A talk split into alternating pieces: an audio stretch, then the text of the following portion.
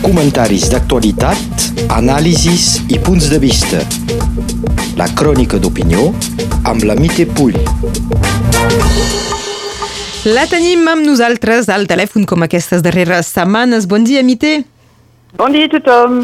Aquesta setmana, el 23 d'abril concretament, és el dia de Sant Jordi, una, una diada molt especial per Catalunya i d'això ens vols parlar avui, dels símbols de Sant Jordi. Exactament. Doncs eh, tothom ho sap, eh? aquest any no podrem gaudir d'una de les festes més grans de Catalunya. No podrem gaudir de la Sant Jordi, Sant Jordi, patró de Catalunya, un dels símbols de la identitat catalana. Una identitat que s'ha construït amb referents simbòlics, els mites, els símbols, han permès l'adhesió col·lectiva a un ideari catalanista. Això, evidentment, passa amb totes les cultures per tal d'aconseguir una certa cohesió social. Les persones fan referència a símbols que els identifiquen com a col·lectivitat, una bandera, una història, uns mites, unes diades, uns màrtirs, etc. Recorda'ns com va néixer aquest mite de Sant Jordi a Catalunya. Sí, doncs la Sant Jordi és una festa doncs, de primavera. Segur que en temps antics era una festa pagana de benvinguda a la primavera. Avui dia és una festa d'origen cristiana que celebra un Sant Martí. Sant Jordi doncs, era un militar romà nascut al segle III a Capadòcia que va ser martiritzat per no abjurar de les seves creences cristianes. Doncs aquest ens recorda també un altre Sant Martí, el Sant Valentí. Aquests fets justifiquen que el jove cavaller fou invocat com el patró dels cavallers i el seu ajut era demanat per combatre els infidels. En totes les versions, Sant Jordi va sobre un cavall blanc, deslliurant una donzella i vencent el drac. El cavall representa la fe cristiana, Sant Jordi seria el predicador i el drac el paganisme, l'obscurantisme. La devoció a Sant Jordi en terres catalanes remunta al segle VIII i més tard els reis catalans van mostrar la seva devoció a Sant Jordi. Així, Jaume I explica en una de les seves cròniques que va veure el sant ajudant els catalans en la conquesta de la ciutat de Mallorca. Més tard, Pere el Ceremoniós va instituir un ordre de cavalleria en nom del sant. Els reis i la Generalitat han impulsat la celebració de la Sant Jordi a tots els països catalans. Al 1436, la Generalitat va aprovar a les Corts la celebració oficial de la Sant Jordi. I què podem dir uh, de la festa actual de Sant Jordi? Amb la Renaixença, moviment polític i cultural que va recuperar i valorar els signes d'identitat catalana, des del segle XIX, Sant Jordi ha esdevingut el símbol del territori català. Llavors, la figura del sant va agafar una significació més patriòtica i cultural. La festa va aparèixer sota una forma més poètica associada amb la rosa i el llibre. I la festa actual apareix als anys 1930 amb el primer ajuntament republicà que es va fusionar la celebració de Sant Jordi, de la rosa i del llibre. Al 1934, Macia declara el 23 d'abril festa cívica i proclama la Diada de la Bandera. Avui dia, com a gest reivindicatiu, el 23 d'abril, a molts balcons de Catalunya unegen senyeres i estelades. La festa de Sant Jordi ha tingut un carisma diferent segons els moments de la història de Catalunya, amb un caire nacionalista més gran encara quan Catalunya era malmenada com en temps del franquisme on prengué un protagonisme de festa de resistència i d'afirmació, un símbol de llibertat i d'esperança, sovint expressat dins els goig tradicional a Sant Jordi que diuen Sant Jordi, patró de cavalleria, vetlleu per la patria i per son renaixement. La rosa de Sant Jordi és una tradició i també una llegenda simbòlica. Exacte. Tots coneixem, doncs, la llegenda de Sant Jordi que salva una princesa de morir devorada per un drac i, quan caigui la sang del drac a terra, neixi un roser. Una metàfora cristiana de la sang del Crist convertida en un roser.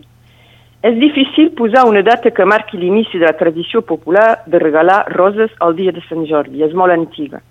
Perquè ja al segle XV es celebrava una fira de roses per Sant Jordi. A Barcelona, antigament, la noblesa celebrava la Sant Jordi amb torneigs i altres jocs d'armes, de les quals eren excloses les classes populars. I en aquesta època va començar el costum de regalar roses. Les dames oferien rams de roses als vencedors. Al segle XIV, la rosa ja tenia un gran protagonisme en la festa de la Generalitat, organitzada en honor al sant el dia 23 d'abril. Després de l'ofici, a la capella de Sant Jordi es regalaven roses a les donzelles i autoritats. Al final del segle XIX, la figura de Sant Jordi agafa una significació més patriòtica i cultural, com ho he dit, i la celebració de la rosa és presentada com una celebració cívica. Segle després, el costum d'oferir una rosa a l'estimada s'ha anat estenent, fins a arribar a ser, com avui dia, una festa celebrable per tot el poble. La rosa de Sant Jordi normalment va acompanyada de la senyera, d'una espiga de blat, així doncs, la rosa de Sant Jordi té una triple simbologia. El vermell de la sang, representació de la sang basada pel drac, significa l'esperança en un món millor, la senyera, que recorda el contingut reivindicatiu de la diada, i l'espiga de blat com a símbol de fertilitat. És la festa de la rosa, però també la diada del llibre. Exactament, la festa del llibre. La festa del dia del llibre té l'origen a Catalunya també i es va començar a celebrar al 1926. És un editor i escriptor valencià, Vicenç Clavel i Andrés, que va proposar aquesta celebració a la Cambra Oficial del Llibre de Barcelona. I doncs, al 1926, el govern espanyol ho va acceptar i va instituir la Fiesta del Libro. Al 1929, durant l'Exposició Internacional de Barcelona, els llibreters van decidir d'organitzar-se i sortir al carrer, muntar paradetes de llibres. La iniciativa va tenir molt èxit i va donar un fort impuls a la producció editorial catalana.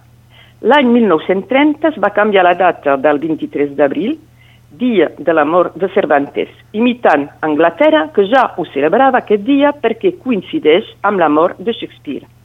La llegenda de Sant Jordi matant el drac representa també la victòria del saber, del coneixement sobre l'obscurantisme i la ignorància, representa la conquesta de la llibertat de pensament, d'expressió, una llibertat que s'adquireix amb la llengua, la literatura, la poesia, la música. Per resumir, podríem dir que Sant Jordi, la rosa, el llibre són símbols de llibertat. Sí. El cavaller Sant Jordi, símbol de força, de determinació, de lluita, representa la lluita de Catalunya per la seva llibertat. És el símbol de la catalanitat, l'esperança de ser el que som, d'ens expressar tal com ho volem. En definitiva, Sant Jordi ha esdevingut el símbol de la llibertat i respecte de tots els que viuen a Catalunya i, per extensió, a totes les cultures del món.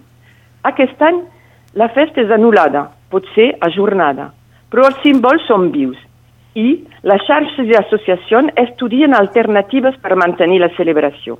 La PLEC, en col·laboració amb la llibreria catalana i Radio Arels, han llançat una campanya Sant Jordi 2020, la llegenda de Sant Jordi contra el drac coronavirus, per penjar roses als balcons i finestres i enviar les fotos per omplir Catalunya Nord de roses. L'associació La xarxa Cebrianenca de Sant Cebrià participa a la campanya i ha demanat als seus adherents dibuixar roses i les penjar als balcons i també escriure poemes, una història, amb motiu de Sant Jordi.